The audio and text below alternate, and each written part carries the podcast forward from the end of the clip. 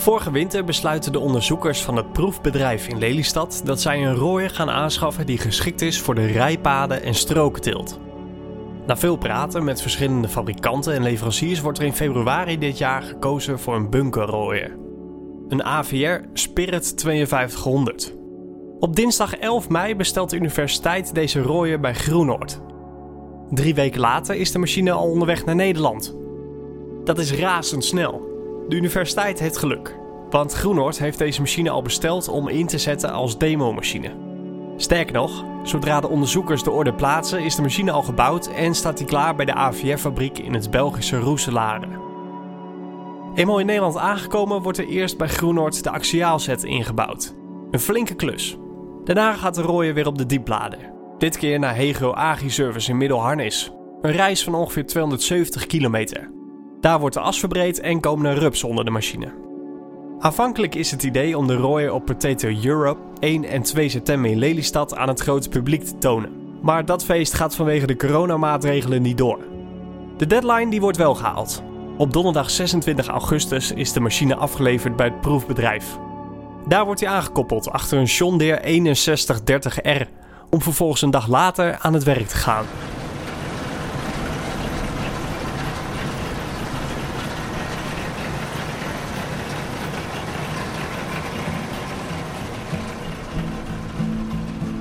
In deze aflevering zijn we getuigen van de allereerste meters die de machine rooit.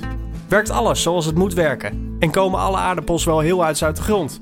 Ook ga ik op bezoek bij Groenoord in Friesland.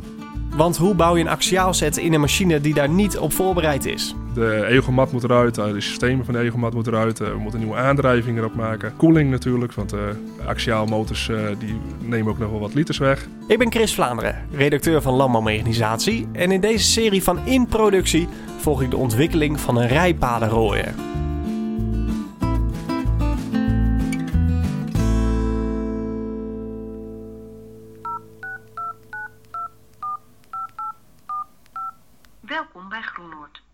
1 voor de werkplaats, 2 voor het magazijn, 3 voor de verkoop, 4 voor de administratie, 6 voor verhuur. Machinedealer Groenoord levert de machine. En zij voorzien hem ook van een axiaalzet. Volgens Joost Rijk van de universiteit kan die axiaalzet goed van pas komen. Nou, het is hier op zich uh, geen hele zware klei, maar we zitten toch op uh, grond van 30% afsnipbaar. Dus ja, dan kan het toch zijn dat je in bepaalde jaren dat je die axiaal echt uh, hard nodig hebt. Het idee was natuurlijk wel, of gaat zijn, dat we de grond uiteindelijk niet meer bereiden. Dus dan zou je zeggen, nou, dan heb je die axiaal misschien niet nodig. Maar de gok om een rooie te kopen die helemaal geen axiaal heeft, vonden we nog wat groot. Um, dus ja, vandaar. Ik wil graag meer weten over die axiaalzet die Groenoord heeft ingebouwd. En daarom reis ik af naar Hallem, in het noorden van Friesland. Hoi, hoi. Morgen. Hi. Heb je het uh, gehaald? Jazeker. Super. Mag je koffie? Lekker. Daar ben ik wel aan toe. Goedemorgen.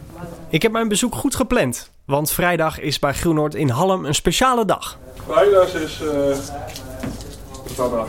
Ja, precies. En uh, wil je ook een patat uh, bij, zeg je van, uh, ik weet niet hoe lang jij... Nou, zo lang ik denk niet nodig. Nee? Nee, nee hoor. Nee, ja, zeg maar. Nee, dankjewel. De man die je hoort praten is Hein Staverman. Tot voor kort was hij de werkplaatschef, maar inmiddels is hij vertegenwoordiger van de akkerbouwmachines. Bij hun in de werkplaats werd de bunkerrooier voorzien van een axiaalset. Het was niet de eerste keer dat ze dat deden. Nou, het is ontstaan bij een klant van ons. Die klant die wou eigenlijk een, een lichte rooimachine hebben. Met een, een trekker ervoor die ook gewoon qua redelijke pk's, een 100 pk trekker, dat hij gewoon fatsoenlijk kon rooien. Nou, toen zijn wij gaan kijken naar een rooimachine van, uh, ja, wat, wat past daarbij. Um, en dan kwamen we eigenlijk uit bij een AVR 5200. Alleen het probleem is, wij zitten hier echt op de kleigrond. Dus je zit daar met reiniging. En toen zijn, zijn wij eigenlijk een plan aan het uh, ja, bedenken gegaan van... hoe krijgen we daar goede reiniging in? Nou, en dat is zo is eigenlijk het plan ontstaan om daar een axiaal in te bouwen. Nou ja, we hebben natuurlijk voorwerk gedaan, want die klant die wou graag weten van past dat of past het niet? Uh, hoe gaat de hellingshoek van de, van de axiaal zetten? Hoe is de reiniging? Dus wij hebben met een team, uh, uh, met Wilfred Sprinsma, hebben samen een 3D-concept gemaakt. We hebben hem helemaal eigenlijk ingetekend in die rooier. Hoe die, hoe die axiaal komt te staan. eh, hoe breed die is, eh, hoe de flow gaat. Dus we hebben hem eerst helemaal keurig op papier uitgetekend. En zo hebben we als het de klant overtuigd dat het een eh, goed concept is. Die machine zit van zichzelf al behoorlijk vol qua onderdelen. Waar haal je nou ja, de ruimte vandaan? Nou, hij zit inderdaad helemaal vol. Hij is gewoon standaard op, eh, ja, voor, gewoon rooi op, eh, op, waar je noemt het zandgrond eh, geschikt. Wij hebben daar eigenlijk, er zit een egelmat in. De achterste egelmat. Die hebben we eruit gehaald. En in plek van daarvan hebben wij als het ware de axiaal neergezet. En daar, dat is eigenlijk met de flow van, een, van de safeband komt hij als het ware op de band van de axiaal. En die brengt hem zo over de axiaal heen naar beneden. Naar als ware de langs egelband op naar de bunker. En die egelband die kun je wel missen. Die kunnen wij missen omdat die axiaal set natuurlijk heel goed eh, reinigt. En de voor safe eh, capaciteit van de 5200 is gewoon heel goed. Dus we missen eigenlijk de egelband niet. Wordt het eigenlijk niet tijd voor AVR dat ze gewoon een, een, een mechanische versie hebben, gewoon waar zo'n standaard axiaalzet al in zit? Nou ja, we hebben natuurlijk eh, wel contact met AVR, heel veel. Eh, AVR zegt van, eh, nee, zolang jullie het gewoon zo goed inbouwen, dan kunnen jullie het inbouwen. Hij zei, het past ons niet in het concept. Dus wij hebben die concept gewoon AVR 5200 hebben wij gebouwd. Eigenlijk voor de, de categorie die daar geschikt voor is. En eigenlijk voor echte akkerbouwgrond of eh, kleigrond, daar hebben ze zelfs de 9200 Vario web voor gebouwd waar de axiaal in zit. Maar ja, wij vonden het eigenlijk wel een mooie uitdaging om eh, te zorgen dat wij nog goedkoper waren dan een 9200.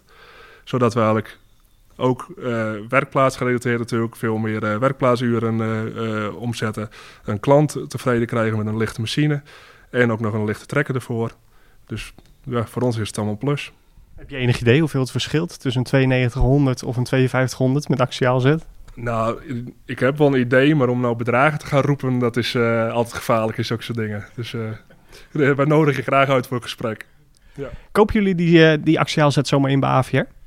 Ehm, we kunnen ze gewoon inkopen bij AVR. Het zijn gewoon originele eh, eh, ja, artikelen. Wij hebben bij deze machine ehm, hebben wij gekozen voor een gebruikte. We hebben wel die gebruikte axiaalset helemaal leeggehaald. eh helemaal nieuwe lagers erin, tandwielen vervangen. Eh, waar, het moest, waar het eh, assen vervangen. Voor, eh, nou ja, ze willen wel slingeren, dus we willen gewoon rechte assen erin. Dus eigenlijk is het gewoon een hele axiaalbak, gewoon compleet nieuw. Maar ja, als wij een axiaalset bij AVR inkopen, moeten we hem nog steeds helemaal aanpassen. eh moeten we hem nog in tweeën flex als het om hem goed pasbaar te maken in de 5200. Dus dan moet je hem dan ook weer stralen spuiten. Dus we zeiden van, waarom niet een goede gebruikte? Dat ombouwen, dat is een hele klus. Vooral ook omdat het zo diep zit. Of kun je er wel een beetje bij komen? Nee, het is een hele klus. Je moet natuurlijk eh, wel even eh, heel veel ruimte maken. De egelmat moet eruit, eh, de systemen van de egelmat moeten eruit. we moeten nieuwe aandrijving erop maken. Koeling natuurlijk, want axiaalmotors die nemen ook nog wel wat liters weg. Dus we moeten een goed koelsysteem bouwen, een hydrauliektank erop. We moeten een, aparte hydrauliekpomp aansturen, omdat het een mechanische machine is. Dus we zetten een, een hydrauliekpomp erop. Eh, daarvoor, daaruit bedienen wij dus de axiaal, de schuimte ervan, hoe snel een aardappel eraf ra- rolt, of eh, hoe lang de aardappel erop blijft. En ook eh, de aandrijving ervan.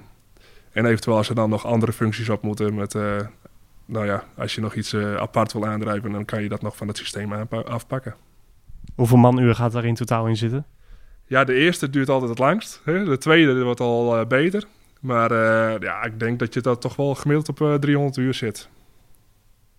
Dat eh, klinkt fors. Dat klinkt heel fors, ja. Het zijn projecten. Maar het kan wel uit als jij eh, de verschillen gaat eh, meten met een 9200 of een 5200. Jullie bouwen een axiaalzet in en je haalt een egelband eruit. Ja. Kunnen jullie nog wat met die egelband of gaat hij gewoon weer terug naar de fabriek? De egelband gaat weer terug naar de fabriek. Daar is AVR gewoon heel coulant mee. Die zegt van, we vinden het ook mooi dat jullie dat inbouwen. Die nemen gewoon die egelband weer terug en dat wordt gewoon gecrediteerd op de nota. Daar zit staatsgeld op. Daar zit een staatsgeld op, klopt. Die rollen die worden hydraulisch aangedreven. Waarom hydraulisch? Die, want die machine is voor de rest helemaal mechanisch. Het is hydraulisch, het is eh, mooier te regelen. Dus het is, eh, vanuit de cabine hebben we een potmeter gebouwd. Dan kan je gewoon keurig eh, de snelheid meten. Als je actie, mechanisch gaat bouwen, moet je natuurlijk weer met tandwielen, kettingen. nou ja, je zit allemaal met stof, modder daar. Eh, het begint altijd eh, op elkaar in te schuren, dus het is eh, veel onderhoudgevoeliger. Dus daarom hebben wij gekozen echt voor de hydraulische versie. En ik heb eigenlijk ook nooit een axiaal bak gezien die mechanisch is, maar, of mechanisch wordt aangedreven. Kun je die axiaalzet voorzien van verschillende soorten rollen? Die eh axiaalset die kan je eruit, in principe achteruit schuiven, zodat we goed die, de rollen, beide rollen kunnen om hem los te draaien. En dan kun je dan de, de grove rol, de hoge spoed, de lage spoed, eh, gladde rollen. eh, en je hebt natuurlijk de ijzeren rollen. Dus eh, voor elke, elk seizoen is er een rol beschikbaar. Maar jullie hebben best wel wat omgebouwd. Past dat dan nog wel allemaal? Ja, als je de axiaalbak gewoon, hoe wij hem ingebouwd hebben, er passen alle rollen erin die, die je wil. Hoeveel tijd moet je daarvoor rekenen om, als je dat wil omzetten? Nou ja, het, het, het kan als je heel erg handig bent, daar hangt het altijd vanaf. Hè, van eh, hoe eh, technisch en handig is degene die ze gaat wisselen. Maar in principe is het in een eh, twee uurtjes is dat goed te doen. Jullie hebben er nu twee omgebouwd. Zijn er nog dingen die er verbeterd kunnen worden? Ja, we hebben nou, ehm, we hebben nou natuurlijk de aandrijvingen, hebben wij alles op hydraulisch, ook voor de langzegelband. En daar zijn we wel een beetje aan het denken van, we willen daar misschien nog wel een extra hydro hydrauliekmotor op te zetten, om dat ook beter te gaan regelen. Dat, dat je hem nog mooier in kan stellen, afhankelijk van hoe, hoe, ja, wat het seizoen is, hoe, wat, hoeveel modder komt er mee, hoeveel eh, moet er gereinigd worden. Dus hoe hard moet de band eh, draaien, hoe eh, zacht moet de axiaal draaien, noem maar op. Jullie bouwen er best wel wat aan om. Heeft dat consequenties voor de garantie van de machine? Nee, de, de 5200 is gewoon helemaal mechanisch. In principe heeft het niks te maken met garanties. Wij eh, hebben constructies, bere- berekeningen gemaakt voor, eh, voor als het past, een past gewicht erin. eh, wat we doen, hoe gaan de krachten op het frame. Waar moeten we eventueel een versteviging maken. Dus dat, dat is geen enkel probleem. We geven gewoon de garantie erop zoals de fabriek ook geeft. Hoeveel zwaarder wordt die? Nou, het is een axiaalbak weegt natuurlijk wel wat meer dan een egelmat. Maar in afhankelijk gaat hij ongeveer 200 kilo omhoog. Dus dat is exclusief olie. Bijna alle onderdelen van de rooien hebben we inmiddels in deze podcast besproken. Maar over één apparaat hebben we het nog niet gehad. En dat is een speciale camera die de opbrengst gaat meten. Deze camera, die binnen een ander project van de Wageningen Universiteit wordt ontwikkeld, detecteert de aardappelen en legt van elke aardappel het formaat vast. Meegekomen kluiten, die telt de camera niet mee. Een opbrengstmeting met behulp van zo'n camera zou daardoor nauwkeuriger zijn dan met weegsensoren, vertelt Bram Veldhuizen. En een extra voordeel is eigenlijk dat je ook de, ja, de maatsortering, de lengtesortering van de aardappels ook nog pleksgewijs mee, ja, meeneemt, eh, meet. Daar zitten misschien uiteindelijk ook wel weer interessante dingen in. Als je weet dat er achteraf gezien op een bepaalde plek ja, de aardappels nou ja, precies in de juiste maatsortering waren of precies een juiste lengtesortering hadden, dan kun je ook terug gaan kijken, hé, maar wat is er op die plek gebeurd? Waarom is het op die plek beter gelukt dan op die nou, 10 meter of 50 meter verderop? En kun je die informatie gebruiken om van, hey, kan ik volgend jaar nou, zorgen dat het hele stuk of een iets groter deel van mijn perceel die perfecte maatsortering heeft. Dus daarvoor ja, zien we wel het belang van, ja, van die opbrengstmeting en juist die ook het gewas mee, ja, of de, de knollen meet. Ik snap dat je natuurlijk zoveel mogelijk wil meten als proefbedrijf. Is dit nou voor de gemiddelde akkerbouwer ook? Nou ja, apparatuur die ze op die rooien moeten hebben, volgens jou?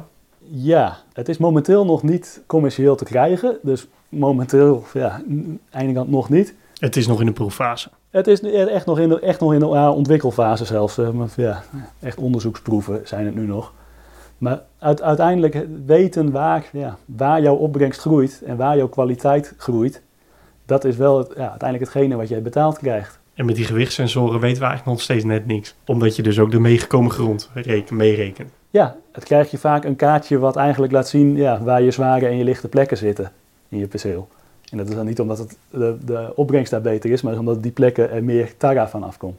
Bij, bij uienladen werkt zo'n systeem nou, op zich wel ja, best goed, want in principe bij uienladen zit er geen eh, of nauwelijks tarra in. Daar werkt dat systeem waarschijnlijk best oké. Alleen heb je dan nog steeds geen eh, maat, eh, ja, maatverdeling per over je perceel.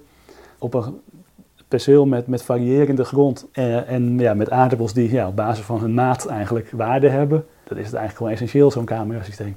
Wanneer verwacht je dat die camerasystemen praktijkrijp zijn? Het zal nog nou, een jaar of drie, vier, denk ik. eh, qua nou, ontwikkeling op zich voor het systeem werkt nu nou ja, best ja, goed. Voor, voor een onderzoeksproject werkt het nu goed. Maar ja, voordat dat dan in de praktijk is, uh, nou, zal dat nog wel een jaar of twee, drie zijn dat, nou, dat de eerste praktijkbedrijven ja, zo'n systeem kunnen gaan gebruiken. En uh, dan ben je ook nog weer zomaar een jaar of drie, vier, vijf verder voordat de mainstream uh, met zulke systemen ja, aan de gang gaat. Rupsen, een verbrede as, een axiaalzet en een opbrengstcamera.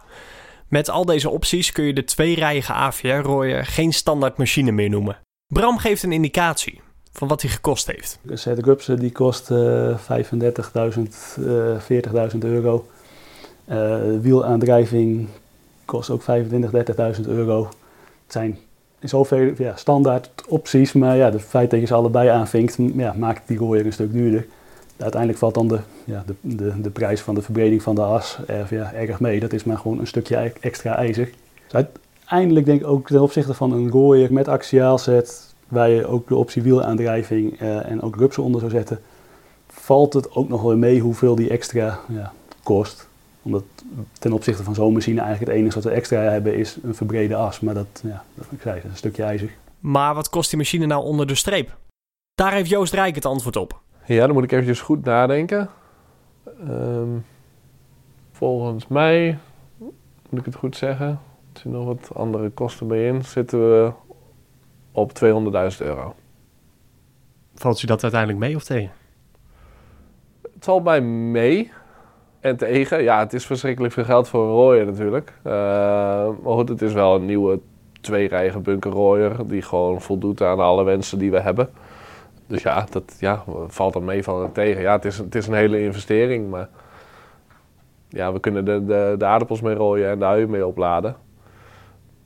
Ja, het, het, het is wat het is. Een rooier van 2 ton verdien je niet snel terug. Vooral niet bij de praktijksituatie van de universiteit. De machine zou in Lelystad namelijk jaarlijks maar 9 hectare rooien. Toch verwacht Bram er wel veel profijt van te hebben. Zeker ook nou, deels vanwege je extra opbrengst. En ik hoop dan ook vooral, want zo een van de voordelen die lastig ja, te kwantificeren is, van beter bewerkbare grond. Ja, daar is heel lastig een getalletje op te zetten. En ook, dat merk ik in het najaar wel. Je ziet jouw gewas daar zitten. En je weet, als ik dat gewas er nu uithaal, ja, kan ik dat verkopen. Dat is geld. Maar de schade die je doet als je op verkeerd moment aan het rijden bent en je, je veroorzaakt verdichting in de grond, daar krijg je niet direct een rekening van hoeveel dat gekost heeft. Terwijl er op zich onderzoek bekend is van ja, een keer uh, goede verdichting ja, erin rijden, de, dat kost uh, je de jaren daarna nou ja, 5% aan opbrengst. En dat duurt 5, 6, 7, 8 jaar voordat dat nog maar ja, weer 1% verlies is. Met een beetje rotatie kom je elke 4, 5, 6 jaar terug met diezelfde zware machine.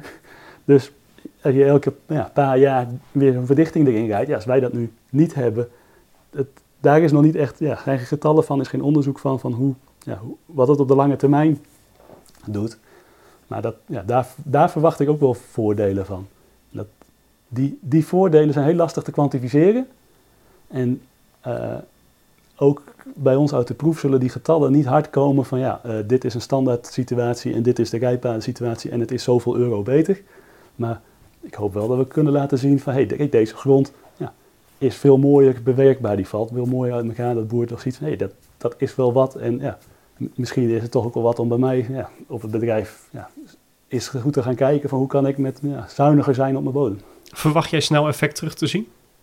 Aan de kant hoop ik het wel. Um, ik verwacht ook wel eigenlijk dat je ja, ja, na één jaar ook al wel ziet en vooral het, ja, het gewas erop, dat die opkomst ja, beter of egaler is, omdat je niet, er niet meer gereden hebt. En ja, dan is het even vraag of dat dan ook met, ja, hoe snel we dat ook in, in cijfers hard kunnen krijgen. Dat je ja, ook als onderzoeker echt van kan zeggen van, ja, maar, nou, het is nou, ja, zoveel beter. Of, maar zeker zichtbaar ja, verwacht ik de effecten al wel ja, vrij snel en, en ja, hopelijk de, de jaren daarna ook in, in de data. Je durft er een weddenschap op af te sluiten? Uh, je twijfelt. ja, we kunnen er misschien wel een weddenschap uh, van maken, ja. Een weddenschap is afgesloten, dus nu is het tijd om de laarzen aan te trekken, de rooien aan te koppelen en het land in te gaan. De machine mag zich gaan bewijzen. Het is vrijdag 27 augustus. Terwijl in grote delen van Nederland de regen met bakken uit de lucht komt, is het in Flevoland redelijk droog. Er kan gerooid worden. En dat gaat gebeuren ook. Allereerst in de 3 meter stroken.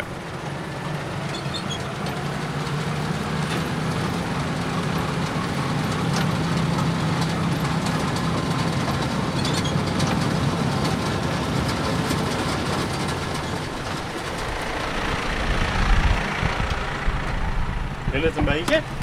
Ah, het is allemaal nog een beetje nieuw afstellen. En, Ja. eh, Dit is Richard Veenstra, een medewerker van het proefbedrijf en hij zit vandaag op de trekker. We hebben iets harder. Kijk, het wel meer uh, 400 toch? eh, ja, iets, iets, iets minder geloof ik nog. 380 of wat. Ja, als we daar even aan spelen, iets minder toeren. Ja, ik heb al veel minder toeren gedaan dan eh, Nou, 380. 380 heb ik hem eh, zelfs gezet. Ik heb hem eh rijdende weg al verder naar beneden gezet. Maar hij moet wel een beetje toehouden voor je axiaalbaas. Maar je kunt niet die, eh die, eh die graafmat nog eh, op een andere vertanding zetten of zo. Hè? Dat is- Het afstellen van de rooien blijkt nog niet zo eenvoudig. Gelukkig is er een monteur van Groenoord aanwezig om te assisteren. Dan kun je al- alle, alle matten kun je regelen. Maar dit is één snelheid. De rollen in de axiaalzet blijken te groot. Daardoor valt de reiniging een beetje tegen. Daarnaast blijven er ook nog behoorlijk wat verliesknollen achter. Waar vallen ze er nu af? Dit is, eh, deze, deze mag ook niet erg hard vallen. Nee, daarom. De heren rijden de machine terug naar de loods. Precies op tijd, want een paar minuten later begint het behoorlijk te regenen. Kijk, je kan nu de axiaalrollen gaan wisselen, maar dan kan je de rest van de dag zo nog niks. Omdat eh, je moet dan weer het ding naar uitproeven. Dus niet als bij de nieuwe dat je hem eruit de originele. Je kunt hem niet eh, via die... eh, Nee, Hé, maar is het nou wat om daar even een rondje te doen, een groot stuk? nee. Ja. dat is prima. Ja, want, want die grond is anders, dat, Ja. is, dat is ook allemaal gras, eh graszoden, dit stukje grond, hoe verder we die kant op gaan, hoe beter. Het gaat vind ik zelf. Nou, dan rijden we daarheen toe, proberen we daarheen. En als het daar allemaal niet gaat, dan moeten we toch wisselen. Dan kunnen we het beter nu doen. Dan Ja. op maandagochtend willen we verder. Als je dat dan weer moet doen, dan... eh, Zo na het weekend. Ja. Huh? Kom op. Het plan is getrokken. Buienradar wordt nog een keer gecheckt en dan is het tijd om de trekker weer te starten. Ze gaan de rooien testen op de 22 meter brede stroken. Blijft u wel? Ja. Goed zo. Nou, dan, dan neem ik het Nee, maar als ik hem niet onder dak had gezet, dan was het blijven. Was het blijven. Het perceel met de 22 meter brede stroken blijkt veel te nat te zijn. En daarom wordt er besloten om weer terug te gaan naar de 3 meter stroken. Daar wordt de machine verder afgesteld.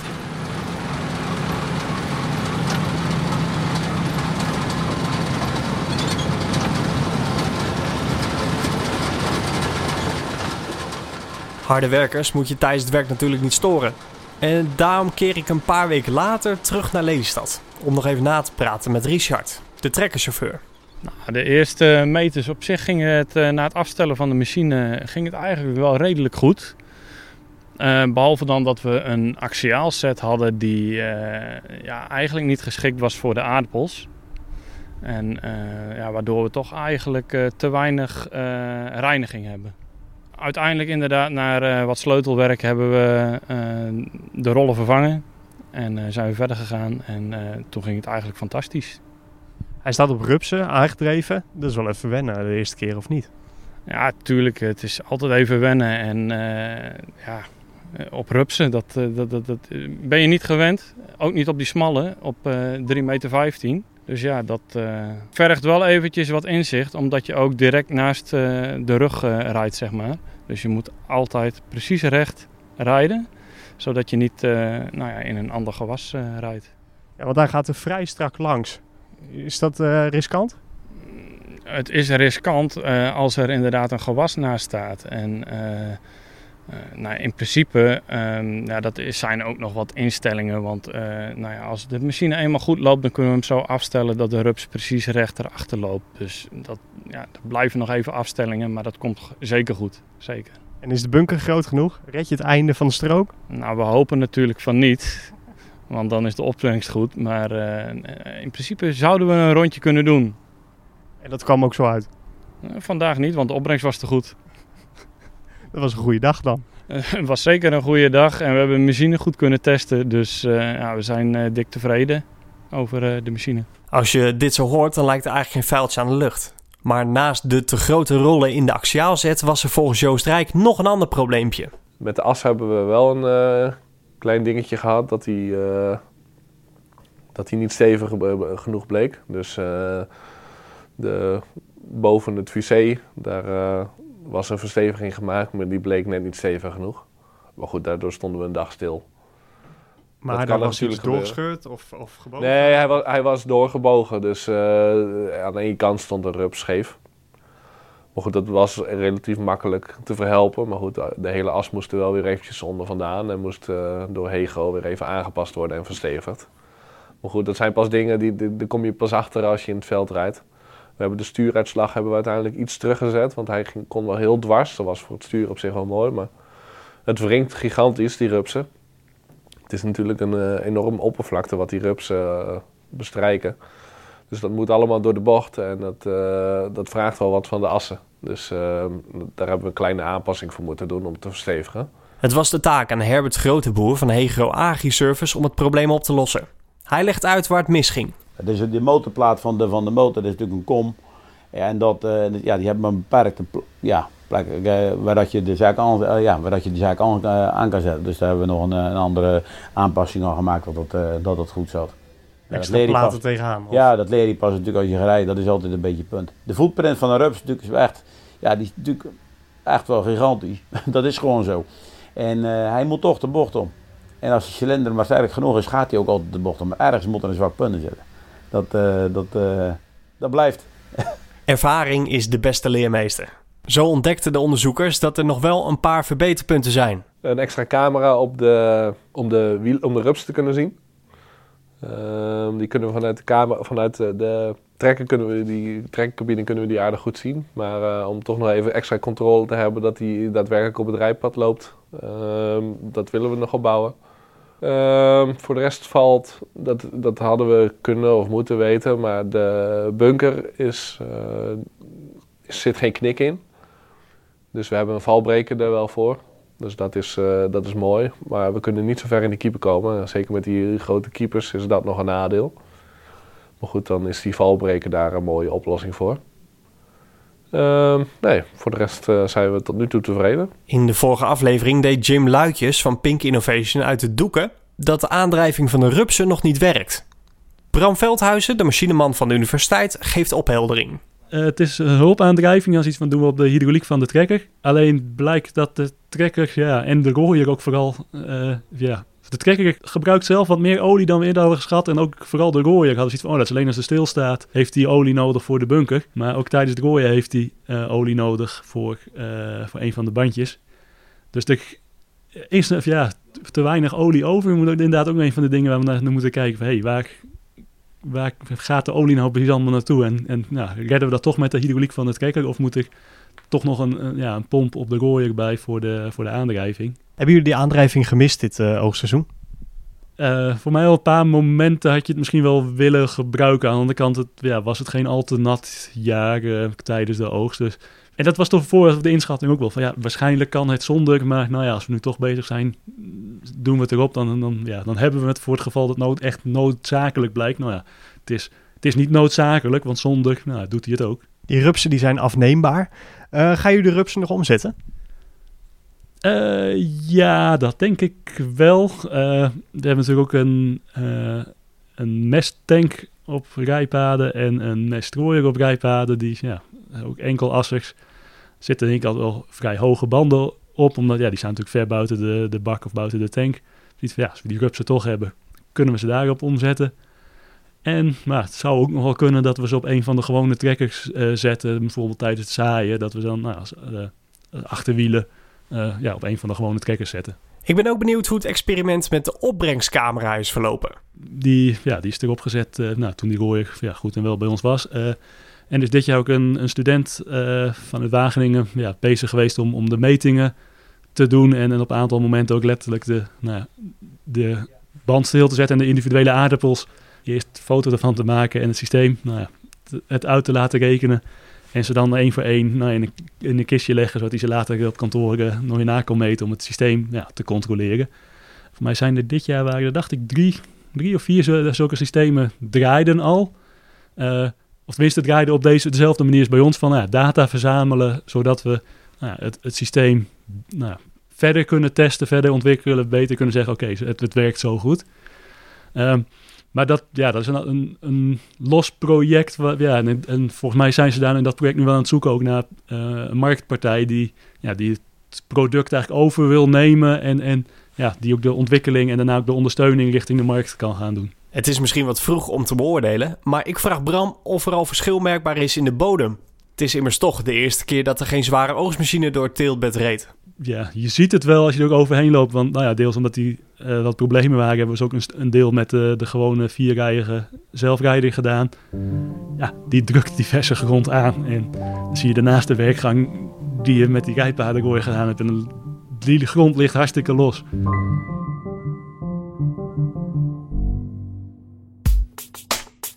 In de eerste aflevering van deze serie sprak ik met akkerbouwer Cornelis Mosselman. Hij past nu drie jaar rijpaden en strokenteel toe en hij had ook moeite met het oogsten vanaf de vaste rijpaden. Mosselman liet daarom een kistrooier speciaal op maat maken. Voor de omstandigheden bij hem op het bedrijf is dat de beste oplossing. Al is hij ook wel gecharmeerd van de rooien die de universiteit nu heeft. Nou, ik zag hem en denk, ja, dat is wel fantastisch. Hij heeft dan aan mij gevraagd van, uh, hey, mogen die as uh, ook bij Hegero vragen om die te verbouwen. Dus dat is wel via hier ook een beetje gegaan. Uh, en ik, ze zijn hier geweest ook met een delegatie. En ik, in hun geval is hun keuze gewoon logisch, vind ik. Omdat er gewoon net wat andere situaties als hier, wat andere verkaveling, wat andere grond. Dus dat vind ik wel logisch. En ik zag het filmpje vorige week, of twee weken ervoor, denk ik, echt wel een fantastisch uh, mooi ding. Daar stil je wel die show mee. Maar het zou hier niet passen, zegt u? Ja, weet ik niet. Dat is een leuke vraag. Als ik nou nog eens zou doen, zou je dan ook die keuze maken? Nou, eigenlijk niet. Omdat ik net al gezegd heb, het is een heel ander systeem. Want zij draaien nog in de kiepwagen. Nou, ik zie daar die dingen vallen. Ik krijg gelijk weer buikpijn als ik alles in die kiepwagen zie eh, knallen. Dat is zo slecht natuurlijk met je blauw voor je aardappels en met alle producten. Nou, dat proberen we juist hiermee te ondervangen. Dus het is meer alleen een rooier. Het gaat ook over een stukje productbeschadiging en alles wat erbij komt kijken. Nou, zo'n jaar als dit met wat kluitjes die net niet breken, ja, dat is misschien wel handig. En dan ben je de Storbak heel berg uh, kluitjes kwijt. Die bij mij in een paar gevallen wel, wel in zaten, die, die net niet kapot gingen. Uh, dus dat zal per jaar verschillen. Maar ik weet het niet, als, nog, als ik nog eens helemaal opnieuw zou moeten starten, dan overweeg ik een eenrijige rooier om dit te maken, maar dan wat lichter in eenrijig. Om toch even iets compacter te maken. Ja. En lichter. Ja, ja. Dat zie ik als grootste bezwaar, de, het gewicht. En ik weet hun gewicht niet, maar uh, uh, daar zie ik ook nog bezwaar in. Smalle rupjes en een groot gewicht. Wij zijn dus nu ook aan de gewichtsverdeling aan het sleutelen geweest. Nou, er zijn mensen die denken over vier rijen rooien naar rijpaden, nou vergeet het maar. Dat gaat gewoon echt niet. Um, dus dat gewicht, dat van Wim Steving, dat idee met het hele kleine, dat is wel gewoon heel mooi. Maar dat is wel zoeken naar die balans. En nogmaals, kijk naar je bedrijf. Dus als je een groot bedrijf bent, dan zou je misschien in de toekomst drie van zulke soort rooiers moeten hebben. Uh, maar ben je heel klein, dan kan zo'n rooier net te groot zijn, of te kostbaar of, of zo.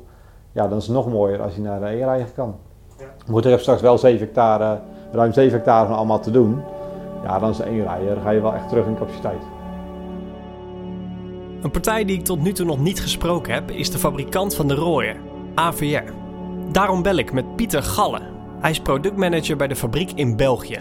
Ik ben nieuwsgierig of zij een project zoals dit toejuichen. Ja, ja waarom niet? dat is, de, dat, dat is, uh, sommige zaken moeten gebeuren toch? Um, ik denk dat het ook dat het ook goed is dat, dat, dat, dat daar budgetten voor vrijgegeven worden. Uh, dat, dat dat wel op een beste manier kan gebeuren. Maar voor een, voor een landbouwer alleen is zoiets niet vanzelfsprekend om te doen. Natuurlijk, investeringen, als je zo'n verhaal wel volledig wil stappen, dan, dan heeft dat een grote impact op het volledige machinepark natuurlijk. Dus, uh, dan denk ik uh, ja, dat het goed is dat er eerst het, het, het onderzoek naar gebeurt. Hè. AVR bouwt zelf geen rooiers die geschikt zijn voor de rijpaden en strooktilt.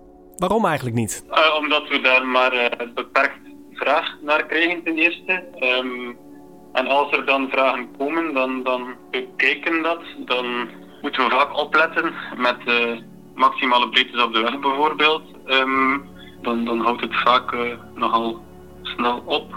Um, wat heeft vooral te maken met, ja, met, met eigenlijk...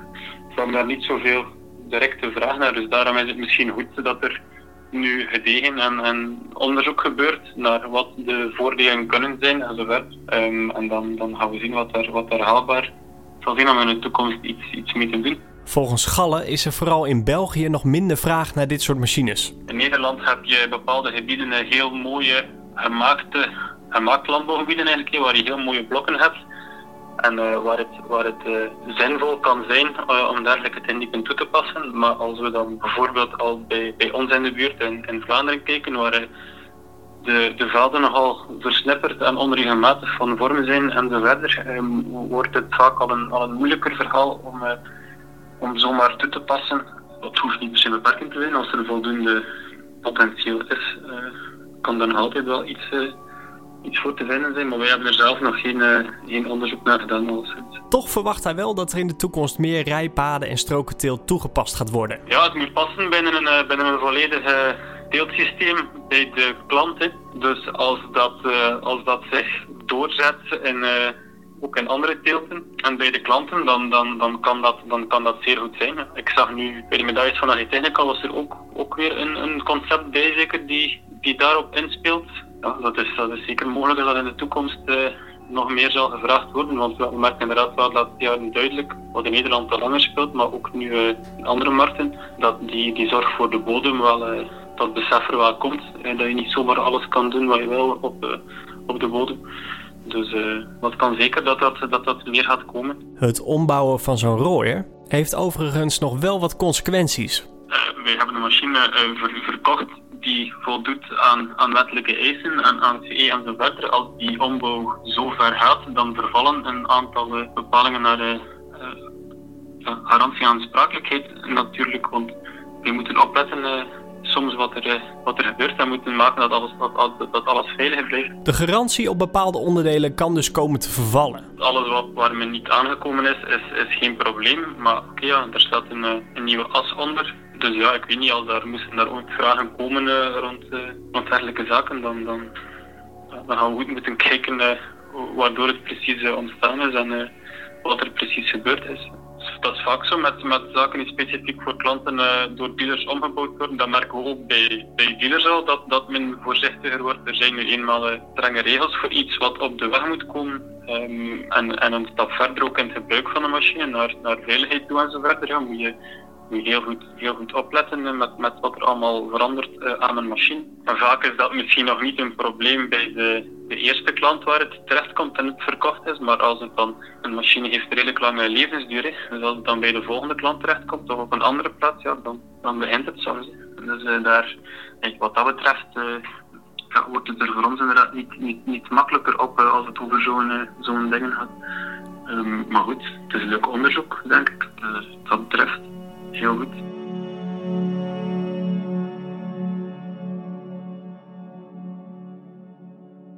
Lange tijd hadden de onderzoekers van de Universiteit van Wageningen de wens om een nieuwe rooier aan te schaffen.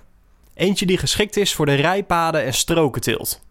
Deze machine werd uitgedacht, in elkaar gezet, aangepast en vooral heel goed uitgeprobeerd. Met de komst van deze rooier is het nu mogelijk dat het tiltbed het hele jaar onbereden blijft.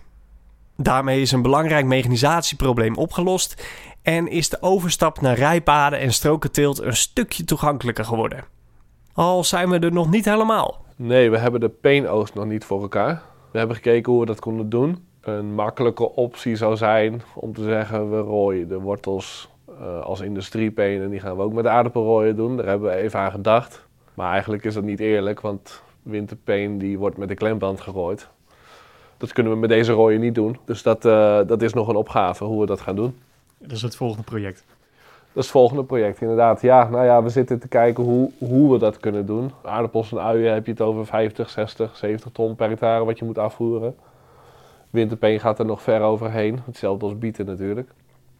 Dus het afvoeren van het product, dat is een hele uitdaging. En je weet zeker dat het pas in uh, nou ja, oktober, november soms gerooid wordt. Dus de omstandigheden zullen nog zwaarder zijn. Dus daar, uh, daar, daar, moeten we zeker nog mee aan de slag. Uh, die oplossing hebben we nu nog niet gevonden. Dus binnenkort gaan we terugkomen voor nog een podcast. zeker, zeker.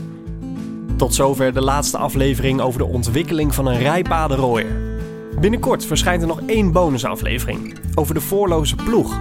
Niet alleen de oogst, maar ook ploegen is lastig bij rijpaden en strooktilt. Wim Steverink uit Tollebeek bouwde daarom een speciale voorloze ploeg. Uiteindelijk kwamen we dan op een spiraalbandje die het dan ook nog spiraliseert, zodat het dus omkeert. Nou, daarna wordt het opgevangen op een uh, transportbandje en die brengt het achteren naar de eindvoer.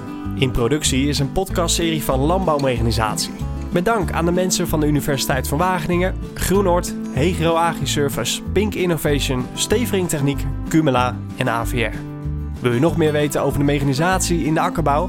Lees het laatste nieuws op de website megaman.nl en in vakblad Landbouwmechanisatie.